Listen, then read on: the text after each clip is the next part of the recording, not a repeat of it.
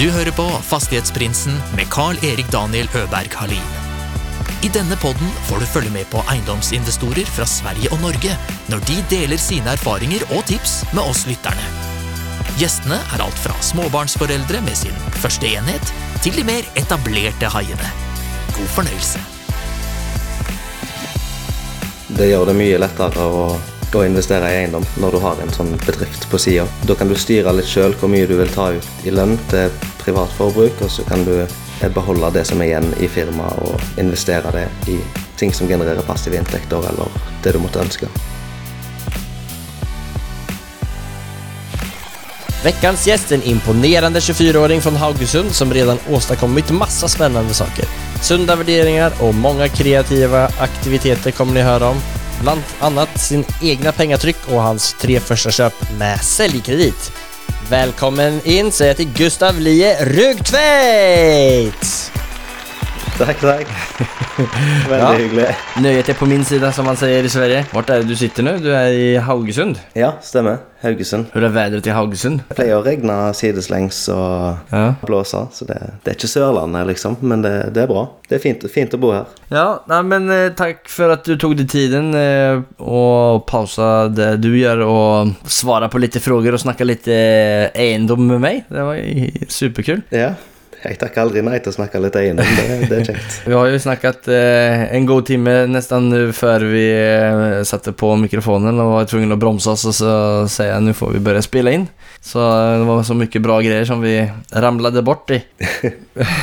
kan, du, kan du bare starte og berette litt om hvem du er, og hva du driver med både innom eiendom og privat og med alt, alle verksamheter du holder på med? Jeg heter Gustav Lie Rugtveit fra Haugesund. Eh, Den vanlige jobben min er at jeg driver en eh, varmepumpekjede som heter Encon.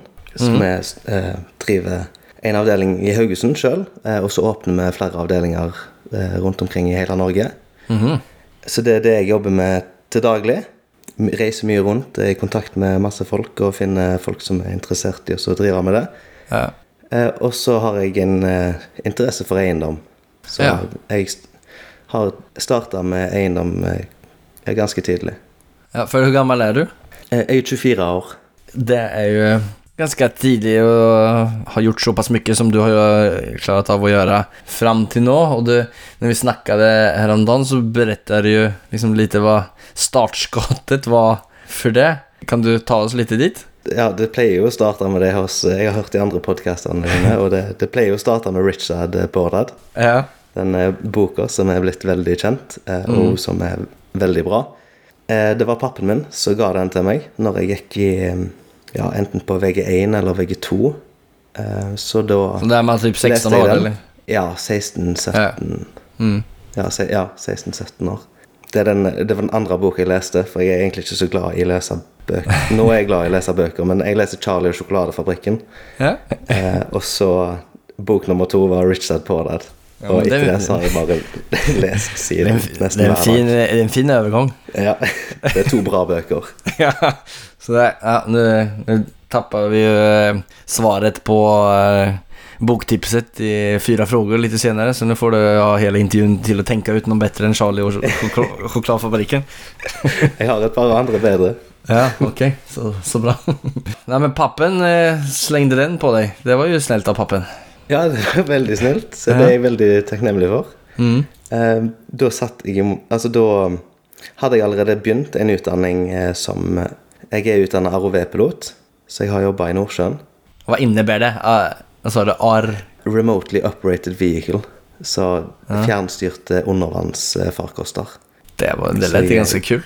Ja, det, det er veldig kjekk eh, jobb. Jeg, og jeg jobber i et veldig kjekt eh, firma her i Haugesund. Reach Ja. eh, Subsea. I fem år. Veldig kjekt uh, yrke.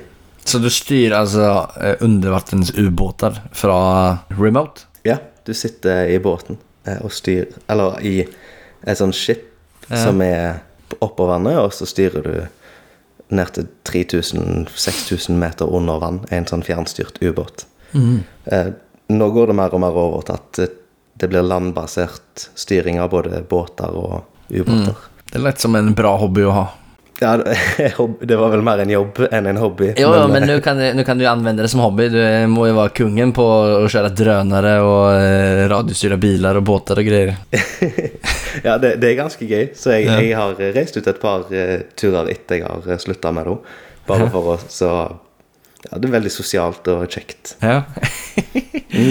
ja, vet. Så, så bra. Og, men hvor lenge holdt du på med det? Du sa fem år, eller? Ja, ca. fem år holdt jeg på med det. Så jeg gikk læretida på to og et halvt år, og så jobba litt etter det. Men nå kjører du fulltid på varmepump og eiendom? Ja, eh, varmepumpebedriften starta med på sida av at jeg hadde en fulltidsjobb i Nordsjøen. Mm. Så har den bare gått bedre og bedre, og det har blitt mer og mer business ut av det. Så eh, det er vel rett over ja, ett og et halvt år siden jeg eh, sa opp eh, den offshorejobben for å satse fullt på varmepumpekjede. Ja. Ok, så du driver en kjede og holder på å etablere den i hele Norge? Så hele... Fan, du drifter, alltså. Ja, det er kjekt å jobbe. Trives med det. Det der er jo en, eh, vi har vært inne på det i noen episoder tidligere også, når man har en sånn der en, eh, vad man ska kalla det, pengatryck egentligen. Där du tjänar dina pengar som du sen kan stoppa in i egendom, alltså för att skatta mindre på det för att få, få det vidare in i eiendom som sen i sin tur kan generera passiv intäkt. Så får du en sånn dubbel trippeleffekt nesten. Ja, absolutt. Det gjør det mye lettere å, å investere i eiendom når du har en sånn bedrift på sida som eh, Da kan du styre litt sjøl hvor mye du vil ta ut i lønn til privat forbruk, og så kan du eh, beholde det som er igjen i firmaet, og investere det i ting som genererer passive inntekter, eller det du måtte ønske. Men eftersom du begynte å lese Rich Dad Poor Dad når du var 16-17 år eh, så måtte det ha vært et ganske bevisst valg at du gjorde den kombinasjonen, eller var det tilfeldig? Eh, nei, det var, det var et bevisst valg. Pappen min har drevet varmepumpefirma siden 2002. Så okay. Det firmaet har vært etablert i Vi har 20-årsjubileum neste år. Mm. Men han anbefalte meg egentlig å ikke ta over det firmaet. Nei. Han anbefalte Hvorfor meg å Nei, han hadde en kompis som jobba i Nordsjøen, som reiste offshore i to uker, og så brukte han de fire ukene når han var på fri til å reise rundt i hele verden og klatre og surfe, stå på snowboard og gjøre alt det. Eh, mens pappen min drev en fulltidsjobb, og vel så det, med å drive sitt eget firma. Mm. Eh, og var liksom litt fanga oppi Du har ikke den friheten at du kan gjøre hva du vil når du, når du blir låst inn i å drive din egen, ditt eget firma. Mm. Så han anbefalte meg å ikke gjøre det, da. Men eh, hvis, vi, hvis vi var med i en kjede, eh, og alt ligger tilrettelagt for å kunne drive et sunt, og, et sunt firma, Mm. så er det annerledes. For da, da slipper du å gjøre alt den, det arbeidet som du ofte gjør på kveldstid, eller, eh, ja, eller før, eh, før du begynner på jobb. At du må stå opp tidligere. Ja. Eh, så da slipper du på en måte mye av det som er felles for all, alle som er med i, i den kjeden. da. Mm.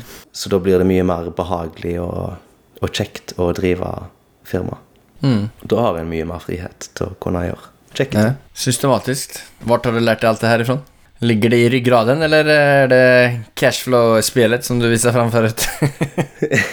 ja. Jeg har spilt mye cashflow-spill. Um, Monopol og cashflow. Og Ja. Nei, det er, det, um, det er det at en uh, leste den boka tidlig og kom til i gang. Når liksom ballen begynner å trille, så, og det er kjekt å å Ja. holde på, så utvikler det seg videre.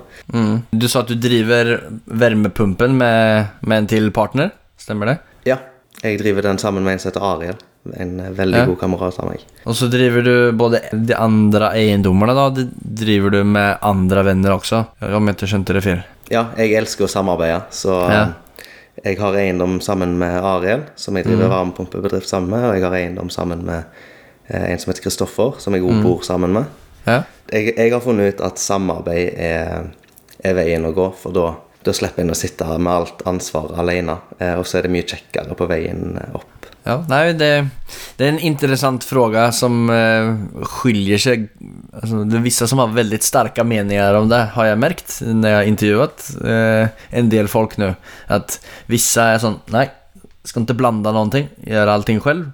Og kjøpe tjenester i så fall. Eh, Medan vissa Nei, så klart. vi delar partnerskap. Og det er dritfett å kjøre saker i hopp og dele på gleden og dele på byrder. Spør sikkert litt hva en vil. Jeg eh, investerer i eiendom for eh, friheten sin del. Eh, Og hvis jeg skulle eie det alt alene, så, så blir du litt bundet opp i Ja, du, du har en jobb å gjøre. Det, det er ikke bare å kjøpe de og glemme de ut. Det, det er mye arbeid rundt og med det, så Nej men det er jo også det, så du legger ned mye mycket tid med å lete efter eiendommer og bygge opp eh, varmepumpselskap og underhold og all drift av eiendom. Det er noe med å dele dela med mye, fl- många fler som, jag säga, har det kul sammen med. Eh, Alltså om du er den enda i, i Haugesund som det går bra för så är er ikke så det kul om, om man inte... Nei. Og så er det kjekt å å fordele arbeidsoppgaver. Noen Ja. liker å gjøre noen ting, mens andre liker å gjøre ja. ja. andre ting. Så, Inte minst det. så en, har, en har mye mer frihet rundt det. Hvis jeg vil på ferie, så reiser jeg på ferie, og så tar. Kristoffer eller Ariel seg av det mens jeg er vekke, og så en annen gang er det motsatt. Ja. Så ni får aldri ha ferie samtidig? Nei, eh, det det er litt kjedelig. Meg og Ariel, han som driver varmepumpefirma, vi har ikke ferie samtidig. Nej. Du fick eh, boken av pappen og kasta sjokoladepapiret i söppeltunna från eh, Charlie-boken og så gikk du videre efter det. Pappen min eh, hadde en eh, tomt, Mm. eh, men han hadde ikke inntekt eh, til å kunne bygge noe på den tomta. For han Nei. fikk ikke mer lån i banken. Så da um, foreslo jeg at eh, jeg kan kjøpe den eh, tomta. Mm. Eh, jeg hadde litt Jeg tok studielån eh, uten å, at jeg egentlig trengte det, så jeg hadde en del Eller jeg hadde egentlig det studielånet på konto. Eh, men jeg fikk kjøpt den tomta, eh, og jeg fikk muligheten til å kunne betale den litt seinere. Altså du fikk seller finance eller hva man skal kalle det. Ja, det er det det kalles. Seller Ja. finance. Även... eh, Uten at, jeg, uten, at jeg hadde, uten at jeg visste hva seller finance var, da, så, så var det det som eh, skjedde. Ja, du hadde en snill papp. Ja veldig, veldig takknemlig for det. Det hjelper oss å komme seg i Ja, ja. Ja, for å få ballen til å rulle. Men da, jeg, eh, da kunne jeg bruke den tomta til egenkapital. Mm. Eh, og så hadde jeg akkurat fått meg en lærerjobb eh, i eh, offshore. Eh, og da hadde jeg eh, Jeg hadde jo ingen inntekt, nesten, men jeg hadde en fremtidig eh, inntekt. Ja. Eh, jeg kom jo til å tjene penger når jeg var ferdig med læretida. Eh, Og da fikk jeg eh, lån i banken til å kunne bygge en eh, tomannsbolig på den Ja. tomta. Bodde du hjemme da under tiden som du eh, Ja, var hjemme? bodde jeg hjemme. Ja. Så Ja. du hadde en förda, delaktig liksom, eh, profil opp mot banken med det også, at du hadde, even om du hadde lite mindre, eller om du hadde mindre inntekter, så hadde du heller ikke så mye utgifter som gjorde at du kanskje kunne enda mer fordel. Ja, minimalt med utgifter og Mm. Ja. Det er fordel å bo hjemme i, Ja. så lenge du kan. Ja, Og jeg var heldig som fikk lov til å bo hjemme. Jeg bodde hjemme til jeg var Ja, jeg vet ikke, men det, det er kanskje tre år siden jeg flytta hjemmefra. Det der er flere som har gjort det der av de som jeg har intervjuet. At de, og det ønsker jeg at jeg hadde haft øynene oppe for å gjøre noe lignende. Altså kjøpe en leilighet, den første leiligheten som man kjøper, at man kjøper den for utleie. Så at man får i gang den bollen och den tankegången. Alltså om du har möjlighet till att bo hemma eller om du har möjlighet till att leja billigt eh, ett eller två år till innan du kan köpa en till lägenhet. Eh, Ja. For saker og ting går jo så jækla mye fortere om du klarer av avgjøre göra det. Ja, absolutt. Jeg, eh, til og med når jeg var ferdig med det, å bygge det huset, så eh, jeg egentlig Jeg visste egentlig ikke helt om jeg skulle bo der eller om jeg skulle leie det ut, men når jeg la det ut, så var det så fikk jeg to leietakere med en gang. Eh, og da valgte jeg bare å leie ut hele huset og så fortsette å bo hjemme. Det var helt nybygd, det huset eller? Ja, helt nybygg. Eller Hvor lenge siden var det og hva kosta det å bygge det? Og liksom Hvordan ser det ut i förhållande til verdier i den marknaden som du bor i Haugesund? Ja, det, eh, det fikk en prisantydning når det var ferdig, på 4,2 millioner. 4,2 millioner, og da Ja. Hva vurderte man at tomten var verd i forkant? ja, den var verdt 800 000, Ja. så jeg tjente ca. én million på det huset der. ja, men det er jo en god start. Og så leide du ut det eh, med et eh, kassaflöde som ga, var positivt, eh, som betalte av eh, lån og, og kostnader. Efter allting var betalt hver måned, hadde du penger kvar på Ja. konto. Ja, det gikk, det gikk i overskudd, så jeg Mm. fikk eh, 22 000 i måneden fikk jeg i det, cirka, i snitt, i Ja. eh, leieinntekter. Og så er det jo utgifter, og så satt jeg igjen med en liten slump etter det. Ja. Men jeg, jeg, eh, istedenfor å bruke dem, så brukte jeg jo alle de pengene på, på å gjøre det samme en gang til. For jeg jo, fikk jo blod på tann. Ja, ja. Så da kjøpte jeg en eh, tomt til, og så gjorde eh, lang lång akkurat det tid etter. Eh, Det var sånn med en gang jeg var ferdig, nesten. Mm. Kanskje en, en måned etterpå, eller Ok. Ja. Så jækla bra. ja, men det tok lang tid, da. Jeg kjøpte det en måned etterpå, men det, det var lange søknadsprosesser, og det tok tid. Så det, jeg ble akkurat ferdig med det hus nummer to nå, så jeg har måttet gjort andre ting i mellomtida. Ja. Mens jeg liksom har holdt på med hus nummer to. Ja, Så hus nummer to var også et, et, et copy-paste, alltså nybygg. Ja, det, det var egentlig copy-paste. Det første huset jeg bygde, bygde jeg egentlig sånn house hacking-hus. Har du Ja. hørt om det? Du kan gjerne fortelle litt om hva det er. Ja, det er at du har eh, Det er en enebolig med utleiedel. Så du kunne bo i den ene, og så kunne du ha 11 000 i leieinntekter i den andre. Nå har jeg faktisk solgt det til en veldig god kompis av meg. Ja. Eh, han, eh, han househacker der nå. Ja. ja, for i Norge så er det jo ekstremt gode regler på det som skiller seg åt i Sverige. Det er vel noen regler som er, är, är bra når man har en sånn uthyrningsdel i Sverige også, Men i Norge så er det jo at om du bor på mer enn 51% av ditt eh, hus och du, så kan du hyra ut då 49% eh, och inte betala någon skatt på det. Eh, och har du en eh, bra stor enhet så kan du nesten nästan ta in ja, stora delar av hela kostnaden på huset och bo gratis. Ja. Du får betalt for å bo. Ja, till och med det. Om du, är, eh, om du har ett riktigt bra hus. Så mitt nästa steg att gå, det önskar jag att jag hade gjort tidigare också. Men det är så fint, man lär så länge man lever. Ja, i mange år. Ja, ja. Nei, men så då eh, satte du igång det andre prosjektet, og du har gjort en hel del mer pga. at eller ja, i og med at de prosessene var litt lengre Hva Vad var det du hoppa bort i efter det då? Eh, Jeg fant egentlig ut at det var Jeg hadde ikke lyst til å drive meg innom alene. Nei. Så da gikk jeg sammen med en kompis av meg som heter Kristoffer. Mm. Vi fant ut at vi skulle kjøpe et hus sammen, og begynte å si det til folk. At vi, vi var på utkikk etter hus. Begynte å se på Finn og ja, var, på utkikk etter hus. Da jobba jeg ennå i Nordsjøen, så en dag når jeg sto opp i Nordsjøen, jeg jobba natt, så hadde jeg et ubesvart anrop fra, fra en som jeg ikke Det var et eiendomsselskap. Så ringte jeg han opp igjen dagen etterpå, og så hadde han eh, en tomannsbolig som han hadde lyst til å selge. Mm. Så da, da endte vi opp med å faktisk kjøpe den eh, tomannsboligen som han ringte og serverte okay. oss egentlig på sølvfat. Den var fullt utleid, og, en veldig, veldig bra hus. Mm. Kjekke leiligheter, kjekke å bo i. Ja, så da kjøpte vi den. Jeg som ikke kan så mye om uh, alt det her enda Min uh, ska jag mening er at hvis det er et eiendomsselskap som eier et hus og han skal kvitte det med det. Så er det antingen så er det huset noe skjult feil, og det er dritdårlig, Eller så får man den til et godt pris. Er det sant? Eller eh, var det noen av de to? Nei, det huset der var helt tipp topp. Eh, Ja. Han solgte av en helt annen grunn. Han, Ja. Hvilken grunn var det? eh, når han begynte å bli eldre, så han hadde lyst til å pensjonere seg. Mm. Eh, og ønska ikke å drive med utleie lenger. Så da, da ville han selge i hvert fall det huset der. Ja, Så det, det fikk vi faktisk godkjøpt på Seller Finance. Är det sant? Ja. Men var det forslag fra han? Eh, altså for at han ville bli kvitt den fort kanskje, og så var det en løsning som han tilbød, eller hur? Nei, det var, det var forslag for eh, meg. For da, Ja. da hadde jeg lest en bok til Petter Stordalen. Eh, 'Jeg skal fortelle deg min hemmelighet'. Ja. En bok som heter det. Da jeg leste Jeg ble helt fascinert over at han, han kjøpte Jeg tror det var åtte hoteller Jeg tror det var noen hoteller i Sverige, faktisk. Han kjøpte hoteller for 800 millioner, tror jeg. Ja, ja. Eh, uten å ha penger. Okej. Eh, Og så greide han å kjøpe alle det. Så fortalte han i den boka hvordan han eh, fikk det til. Ja. Eh, og så tenkte jeg at det var noe litt mye med 800 millioner, så vi kunne kanskje begynne litt mindre enn det. Ja. Men så foreslo jeg det til han som vi kjøpte huset av, at vi kan kjøpe huset for det du ønsker. Mm. For det, vi er enige om at det er verdt prisantydning. Mm.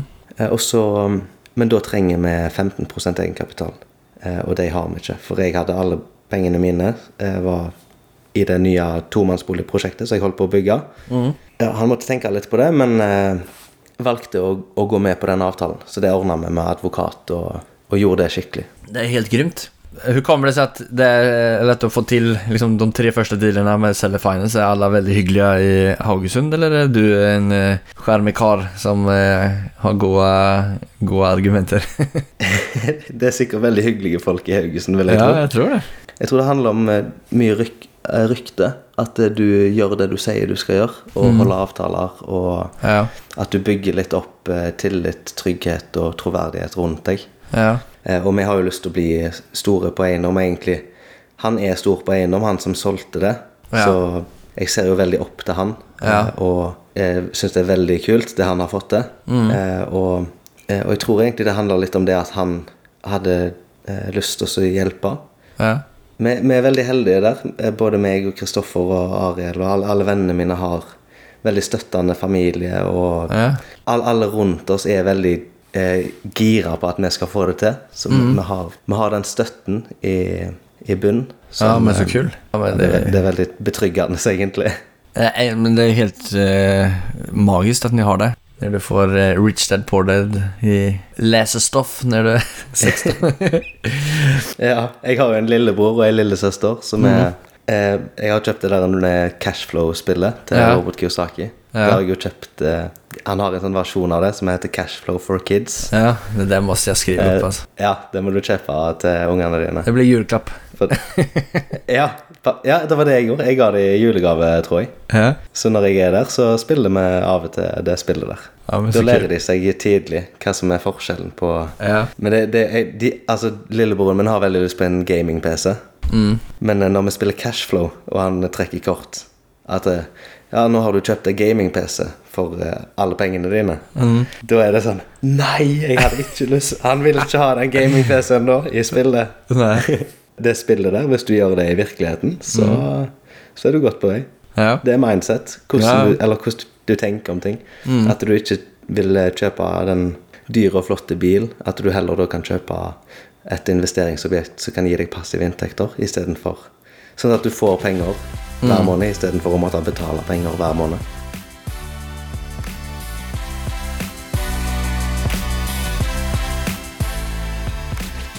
På det där tredje huset som du kjøpte på Seller Finance, hvilken rente betalte du til han da? Och vad, hur lång tid hadde du på deg å betale ned de 15 Og Och liksom, hvor mye penger satt du igjen med hver månad?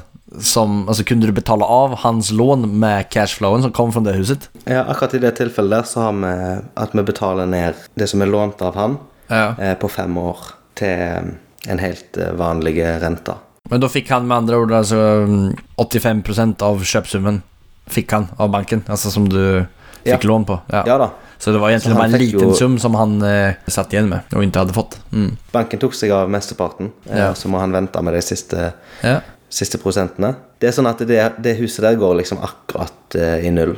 Ja. Det går akkurat nok til å betale han ned på de fem åra. Nå har vi hatt i eh, ca. to år, men etter vi har betalt ned eh, privatgjelda, så, så går det i pluss hver måned. Nå går det akkurat i null. Ja, men hvis man klarar att räkna hem det där så är det där inte en så jäkla dum deal för säljaren heller. Alltså om det är man får, man får seller finance på den egenkapitalsbiten. För det kan ju riskera, alltså säljaren kan ju riskera att vara tvungen att gå ner i pris. Alltså så det är ju den här, kan jag betala fullpris mot att du ger mig lånet och du får den här sista egenkapitalsbiten sprätt ut på fem år för exempel. Så det är jo Ja. en bra, det är en bättre deal för han. Alltså han får ju de där procenten som han kanske hade varit tvungen att skarva ner för att få sålt den. Ja, det er det som er veldig fint med Seller Finance, er at det er bra for Ja. alle parter. Akkurat i det tilfellet der så var det jo bra for selgeren, for han fikk det han ville for huset. Ja. Eh, og han fikk solgt huset kjapt uten å måtte ta bilder og legge det på Finn. Det gikk off market direkte. ja. Hvordan kom du i kontakt med det? Han ringte Nei, just det, han ringte det, ja. Ikke sant? Ja, så det var litt flaks, egentlig. Ja. Men så er det fint for leietakerne som bor der. For det, hvis det blir solgt til noen andre som ikke vil drive utleie, så må de jo kanskje flytte og, og stresse med så finne seg en ny leilighet. Så det var veldig fint for de som bodde der. Til slutt så var det jo veldig fint for oss, for vi fikk muligheten til å kunne overdra det huset uten at vi egentlig hadde råd til det. Eller vi hadde råd til det, men vi hadde ikke akkurat penger akkurat da til det. Nei. Det er helt magisk. Altså, det at du har fått Seller Finance og den uppenbarelsen for meg Det der, Jeg har vært litt skremt for å liksom tenke i de vanene, men det er jo veldig mye positivt i, i det. Men du sa at du hadde 15% egenkapital, det betyr at du, hadde, at du kjører privat. Det, hadde du kjørt alt fram til nå privat, eller? Ja, eh, alt fram til nå var privat. Mm. Det begynte å bli vanskelig, for med den siste Den dealen med han som ringte meg, som jeg Ja. kjøpte, Mm. da hadde jo Jeg hadde for høy gjeldsgrad privat, for jeg holdt på å bygge den nye tomannsboligen, Mm. så jeg fikk ikke mer lån. Og da gjorde meg og Kristoffer en avtale at jeg eh, har lånet på det huset der vi skal bo, og vi, vi bor sammen som kompiser. Eh, og så tar han lån på det utleiehuset, sånn at, eh, ja, sånn at vi greide oss å ja, få finansiering på det. ja, få finansiering, for det, begynner, det blir vanskelig med Det er masse regler med privat utleie at du får ikke, du får ikke ha så mye lån. Nei, fem, fem ganger inntekt. Ja, det er en del regler der. Ja. Hva var det som skjedde senere? For efter det så startet du å prøve å finne ut av hvordan du skulle komme videre, eller komme rundt den regelen. Hva var det du gjorde då? Da ringte jeg eh, en regnskapsfører. Mm. Eh, Jeg fant, fant en eiendomsinvestor som jeg ser veldig opp til her i Haugesund. Og så sjekka jeg egentlig bare hvilken regnskapsfører han hadde. Ja. Eh, Og så ringte jeg til deg og fikk litt rådgivning om eh, hvordan vi bør gjøre det videre. Da var veien videre å gjøre via aksjeselskap og jobbe videre med det. Mm. Det, var, det var et riktig bra råd, det med eh, å ta kontakt med en regnskapsfører eh, som, driver, som jobber opp mot andre eiendomsselskaper.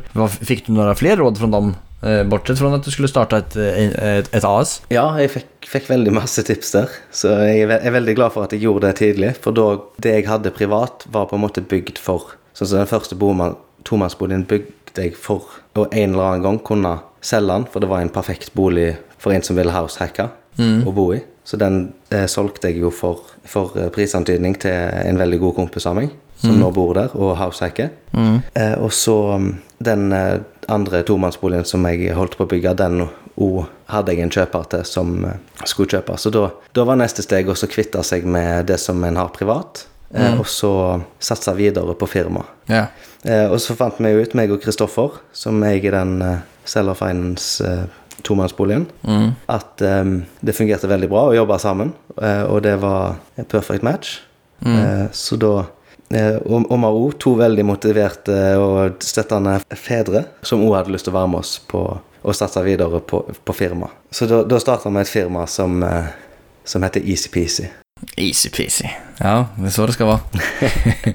Ja, vi fant ut at det var easy peasy å samarbeide, og det var easy peasy å Ja. investere i eiendom. eh, Og det var egentlig pappen til Kristoffer som hele tida påpekte ting vi gjorde. bare sånn dette er jo easy-peasy, og Så ja, da, da ble det det som var navnet. Det er mye optimism der i, på vestkysten, har jeg en kjensle av. ja. De fleste som jeg kjenner på vestkysten, är alltid sånn ja, ja, ja, det går bra det. Det går nok bra, det. Ja.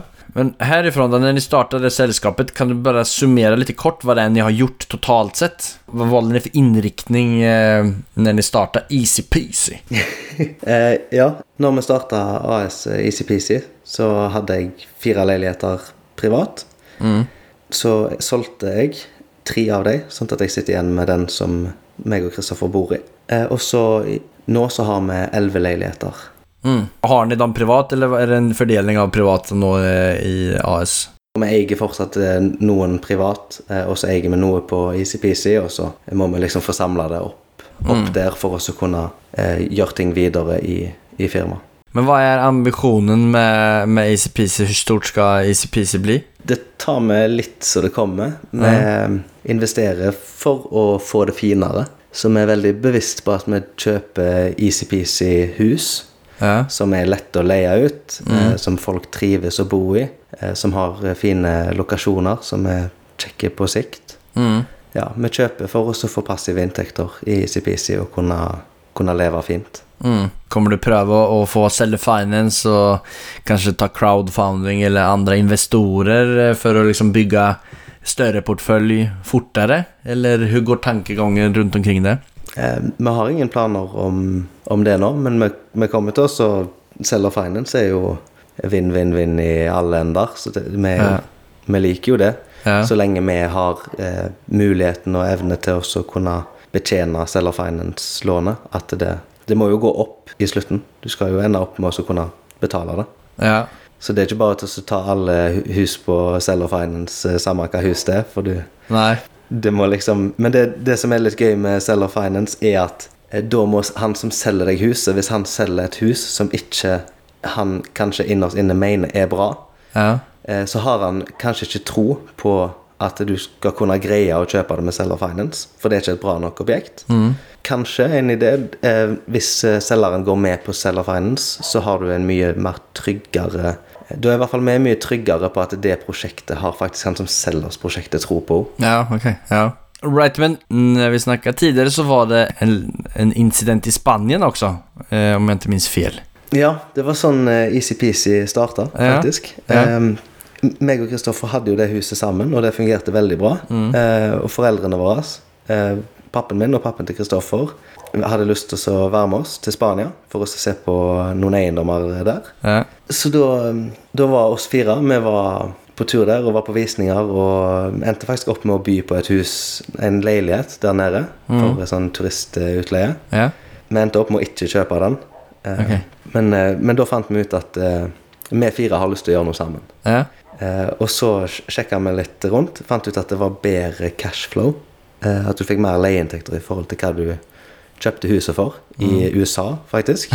okay. Så eh, så på noen YouTube-videoer og eh, signa opp på en sånn der en eh, nettside som heter biggerpockets.com. Ja. aldri hørt tallet sånn om det. sikkert det er jo, De fleste har hørt om det. Ja. De har en dritkul podkast òg. Um, ja, Bigger Pockets. Nei, jeg skojar, ja, og, ja. Ok. Jeg var i hvert fall med der. Eh, Det er jo som Facebook for eh, eiendomsinvestorer. Mm. Ja. Jeg chatta litt med noen som holdt på. Jeg fant ut at eh, vi har lyst til å investere i den og den byen. Mm. Og så endte vi faktisk opp med å kjøpe tre hus i USA. Som vi fortsatt har den dag i dag. ok, Hur går det til? Eh, Når när man kjøper noen hus i USA Og hvor tar man hand om dem når man bor i Haugesund? Nei, vi har jo ennå ikke vært der. Eh, Vi kjøpte de usett. Ja. Vi har en eh, property manager der borte som leier de ut for oss. Ja. eh, Og ordner alt med hvis det er noe galt, så fikser de opp i det. Mm. De har en sånn limit på ja, et eller annet beløp som gjør at de kan Hvis det er noen sånn små reparasjoner og sånn, så bare ordner de det uten å spørre oss. Hvis det er litt høyere beløp, så sender de oss en mail, så må vi godkjenne det. Ja.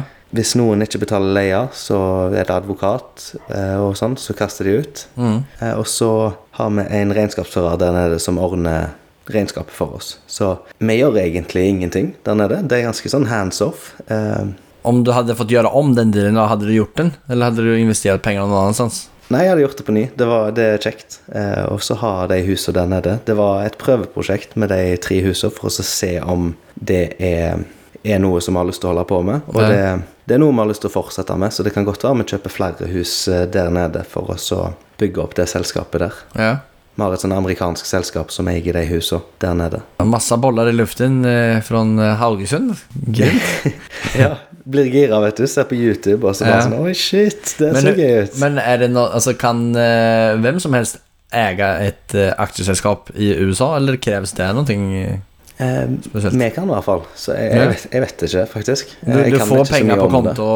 Eh, men vi har faktisk ikke konto der nede, for det er litt vanskelig å få sånn konto. Da må du ha sånn item number, som okay. det heter. Sånn ID-nummer. Ja. Eh, og så, så vi har faktisk ikke en bankkonto der nede. Men eh, property manageren håndterer pengene våre Ja, der nede. Og du ser at det, det går, han det har går, pengar. ja, det går i overskudd eh, Ja. hver måned. Ikke sånn kjempemasse, men eh, litt. Så ja, absolutt. Jeg hadde gjort det samme på ny. Det, Ja. nå har en eh, det gående der nede, og så hvis det kommer muligheter eh, der som jeg har lyst til å kjøpe, så er vi klar. Superkul. For det, det tar litt tid å komme i gang med det første huset der nede, så da har en liksom basen. Alltså, du har ju väldigt många kul bollar i luften och bara 24 år eh, och vi har ju snackat lite, en hel del tidigare också. Det, eh, jag är bara osäker, är det någonting mer som vi inte har varit inom på? Alltså någon speciell deal eller någon speciell inriktning som, som du har, håller på med än? Jeg tror vi har vært gjennom det meste. Eh, det, jo, um, Vi har et, for sånn cirka eh, ja, rett i, i år, tidlig i år, så kjøpte vi et uh, næringsbygg Ja. eh, med fem, 15 kontorer og 6 garasjer. Hvor, stor, hvor mange kvadratmeter var det? Eh, 525 kvadratmeter er det.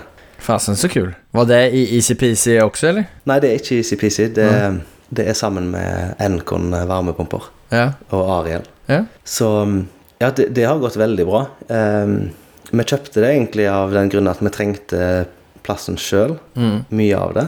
Uh, men så god muligheten at uh, her kan vi lage et sånn eh, Det er mange andre unge folk som driver firma, som ikke har noen plass å være. De er gjerne hjemme i garasjen sin eller eh, på gutterommet og driver bedriften sin. Ja.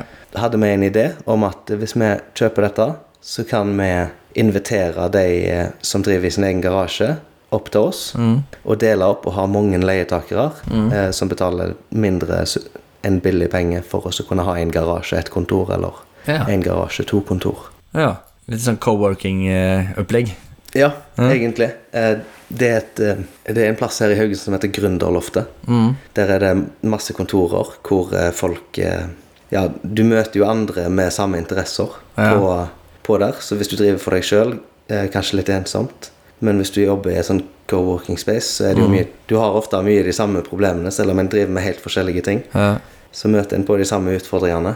Så, så vi kopierte på en måte litt det de har gjort der, eh, men vi la inn at det var mer tilrettelagt for håndverkere som driver snekkerfirma, Ja. varmepumper, reparasjon av hvitevarer og den type ting. ja.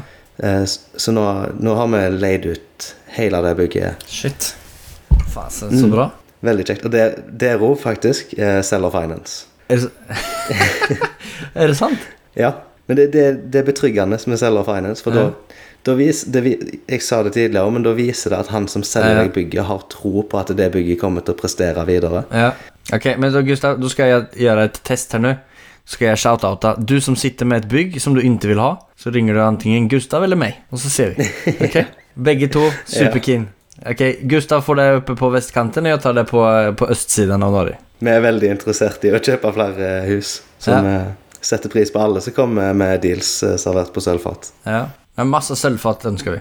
Superbra. Ja. ja. Nei, ja men eh, grymt. Men vi kan jo sitte og prate hvor lenge som helst om eiendom. Det er jo så kul. Men eh, vi skal ta en liten eh, djupdykning eh, in i vårt neste segment som heter Affärsanalysen. Det här segmentet är ju där vår gäst beskriver en genomförd deal om eh, vad det kostar, vad det var för typ av eh, deal och ja, alt allt smått och gott.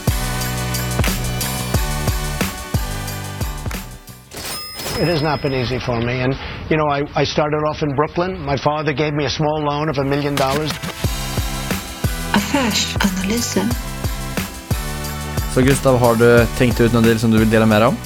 Jeg hadde egentlig tenkt å fortelle om den eh, som jeg og Kristoffer gjorde med Seller Finance, men den har vi jo allerede gått gjennom. Ja. Så jeg kan jo ta den eh, Ja, USA, for eksempel. Ja, kjør på den. Ja, da gikk vi sammen, eh, oss fire, et, etter vi var i Spania. Så hadde vi et møte, og vi ble enige om oss å kjøpe noen hus i USA. Eh, og så på i USA, istedenfor finn.no, så er det en, eller, en side som heter zillow.com. Eh, så vi gikk eh, alle mann, så gikk vi liksom gjennom hus for hus eh, og sjekka hva som var interessant der. Eh, sånn at vi hadde liksom overblikket over området og hvor det var hvor det var bra å investere med tanke på skoler, hvordan du kommer deg att og fram til steder. Altså fant ut hvor i byen vi ville investere. Så plutselig så fikk vi tilbud om å kjøpe tre hus samla i et selskap, eh, og vi valgte også å kjøpe det selskapet. På det tidspunktet så holdt jeg fortsatt på å bygge det huset som jeg bor i nå. Eh, det, tok veld, det tok veldig lang tid, eh, og alle pengene mine var låst i det prosjektet. Så jeg, jeg, hadde, jeg hadde ingen penger til å kjøpe de husene da heller. Så du tok Seller Finance i USA med? Jeg var heldig og fikk lov til å låne eh, egenkapitalen som jeg trengte av en investor okay. eh, da. Eh, Ja. Så da fikk, da fikk jeg lånt eh, 300 000 til å kunne betale min del av det prosjektet. Ja. Eh, Ja. Og så betalte jeg han tilbake med en gang jeg solgte på Vormedal. Mm. Så da var det på en måte de pengene som var låst der, gikk rett, rett inn i USA-dealen. Men jeg Ja. fikk en mell mellomfinansiering av en investor. Kult. Hva, hva koster det, og hva eh, drar det inn i leie, da? Vi kjøpte de husene for eh, 1,2 millioner. Det er tre hus. Nok eller ust? Eh, norske kroner. Ja. Eh, så Så tre hus for 1,2, men eh, det var allerede seller finance inni, de, inni det selskapet. Så vi har et lån i det selskapet på ca. det samme beløpet. Ja, ok. Så verdien på husen eh, var på tidspunktet typ 2,5 millioner eller sånt? Ja, sånn, sånn cirka rundt der. Eh, Så et, et hus i USA på den tida Nå har det steget Sist jeg jeg tror det har steget 20-30% Ja. På det tidspunktet fikk du kjøpt et hus for sånn ca. 70 000 dollar. Eh, og så får du leieinntekter på ja, mellom 700 og 950 dollar i måneden. Ja. Altså 1% av kjøpesummen per måned. Mm. får du 12 eh, sånn eh, yield. Så det heter. ja. Hvor er det det här husen ligger? Eh, Disse husene ligger i eh, hovedstaden i Indiana. Indianapolis. Ja, det er spennende. Det er interessant med sånne ulike typer av eh, lejemarknader eller investeringsmarkeder. Grymt. Takk for at du delade. jo, bare kjekt. Det, det er det som er litt kjekt med eiendom, for det er ingen hemmeligheter. Det er, Nej. Du finner ut hvordan du gjør det på Det er bare til å se på YouTube eller lese noen bøker, så er det masse forskjellige strategier. Og Ja. noen treffer deg sjøl bedre enn andre. Nei, men du holder jo på med ganske mange ulike innriktninger. Tror du at du kommer å smale av det til noe spesielt? Altså Er det næringsbygg og seksjonering og utleie og sånne enheter eller er det leiligheter som du kommer satse på framover, tror du? Jeg eh, trives best Vi har sånn eh, buy and hold-strategi. At Mm. Ja. vi kjøp, kjøper bygg som er lette å leie ut, eh, siden det er kjekke leiligheter. Eller eh, sånn som på det næringsbygget, at det er veldig kjekt for entreprenører å drive der. Ja, ja men grymt. Vi padler videre till eh, vårt neste segment som heter eh, Fyra frågor. Det er de samme fire spørsmålene som vi stiller vår eh,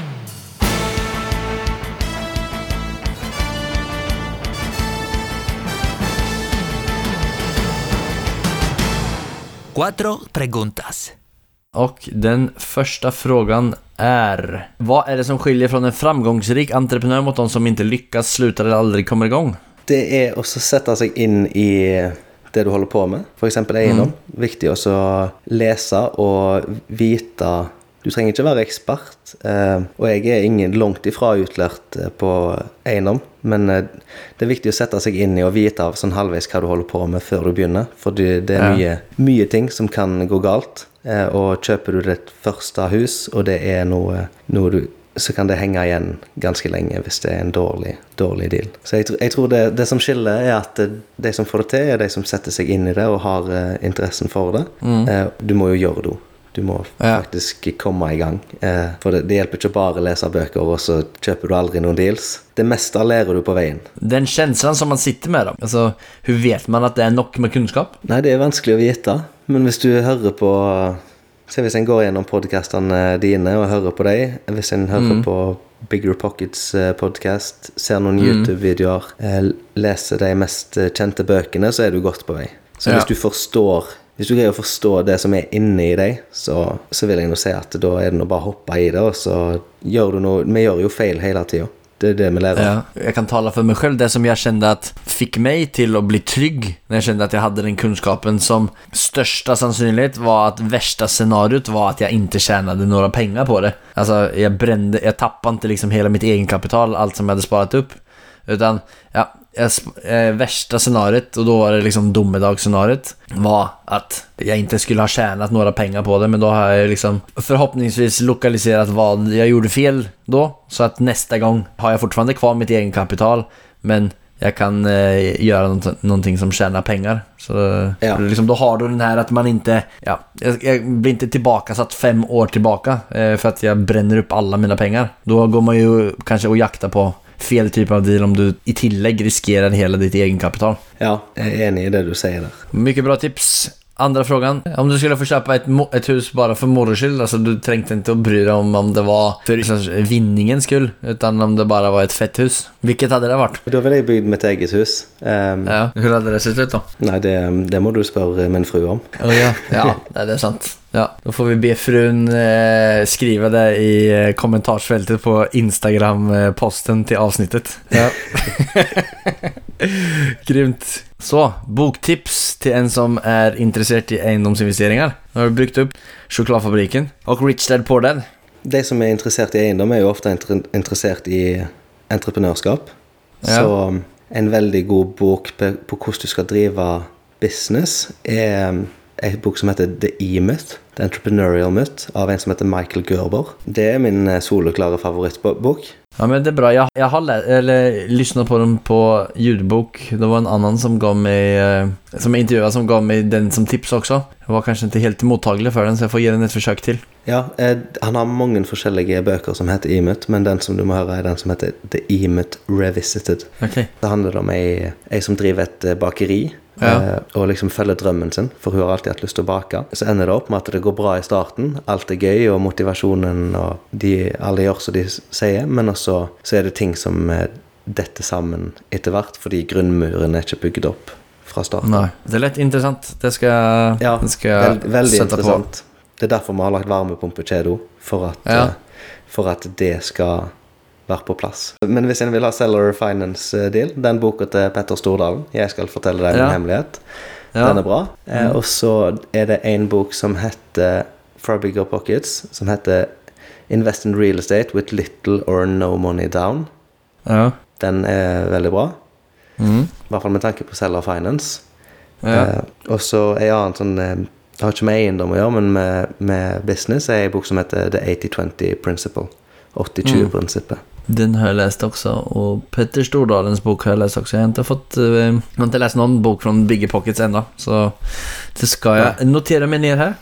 Ja. Og hvis du, vil, hvis du vil investere i USA, så har Bigger Pockets en bok som heter eh, Long Distance Real Estate Investing. Da går han inn i dybden på hvordan du gjør det i utlandet. Ja, Nei, det blir mange boktips som jeg får slenge med i, ut på Instagram sen eh, när din, din episode släpps.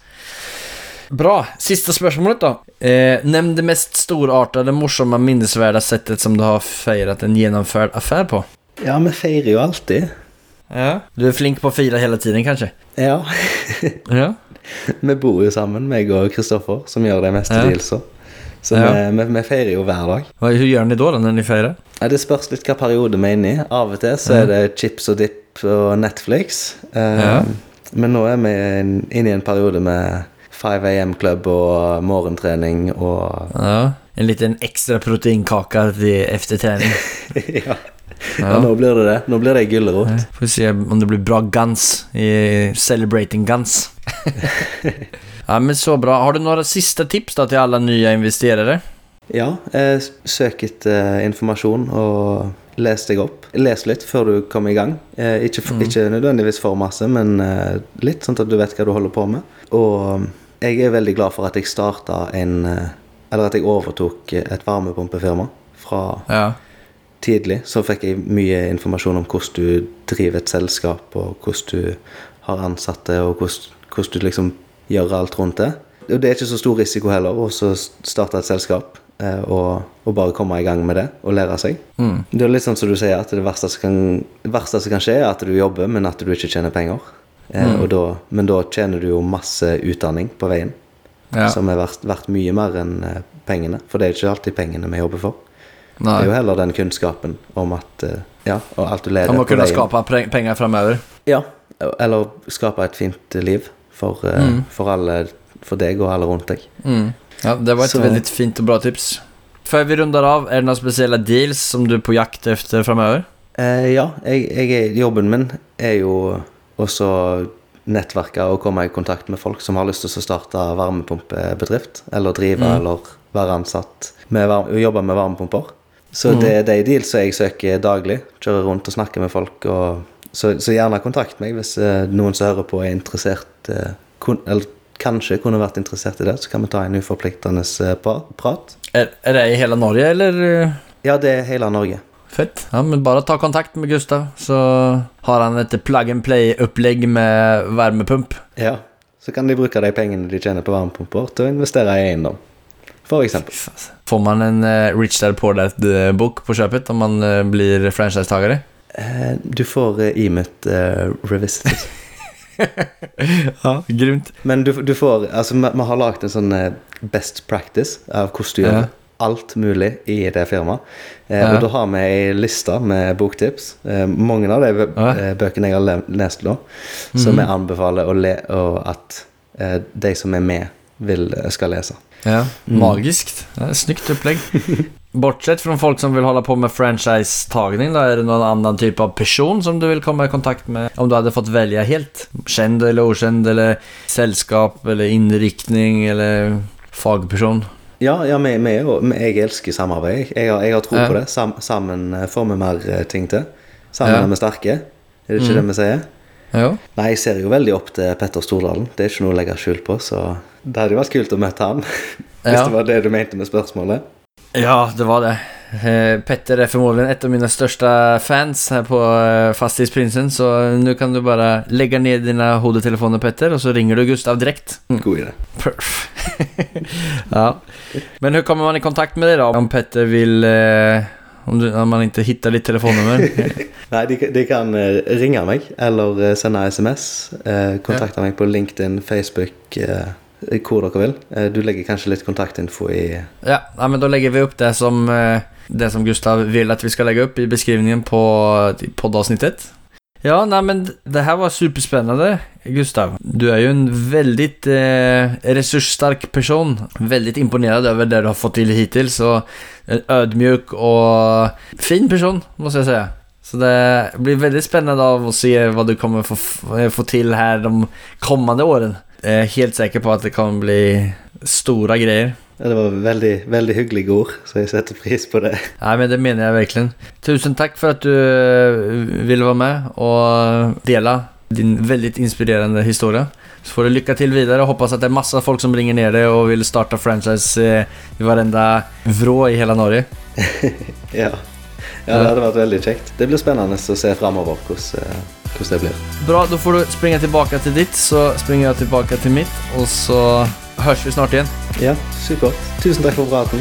Ha det! Ha det. Håller ni med om att man får ett lugn av att lyssna på Gustav? Han är ju tryggheten själv. Det lugnet har nog mycket med hans framgång att göra också tror jag. Han har tro på sig själv och samtidigt som han jobbar hårt och alltid är på. Då blir allt easy peasy. Sten på sten med sin egna pengatryck i värmepumpsbedriften Enkon är ju helt genialiskt. Han søker for øvrig nye franchisetagare i hele Norge om du er interessert i en egen pengetrykk. Nå er det dags å bytte ut mikrofonen Det er en game night av Cashflow med Gustav og Co. Ha det!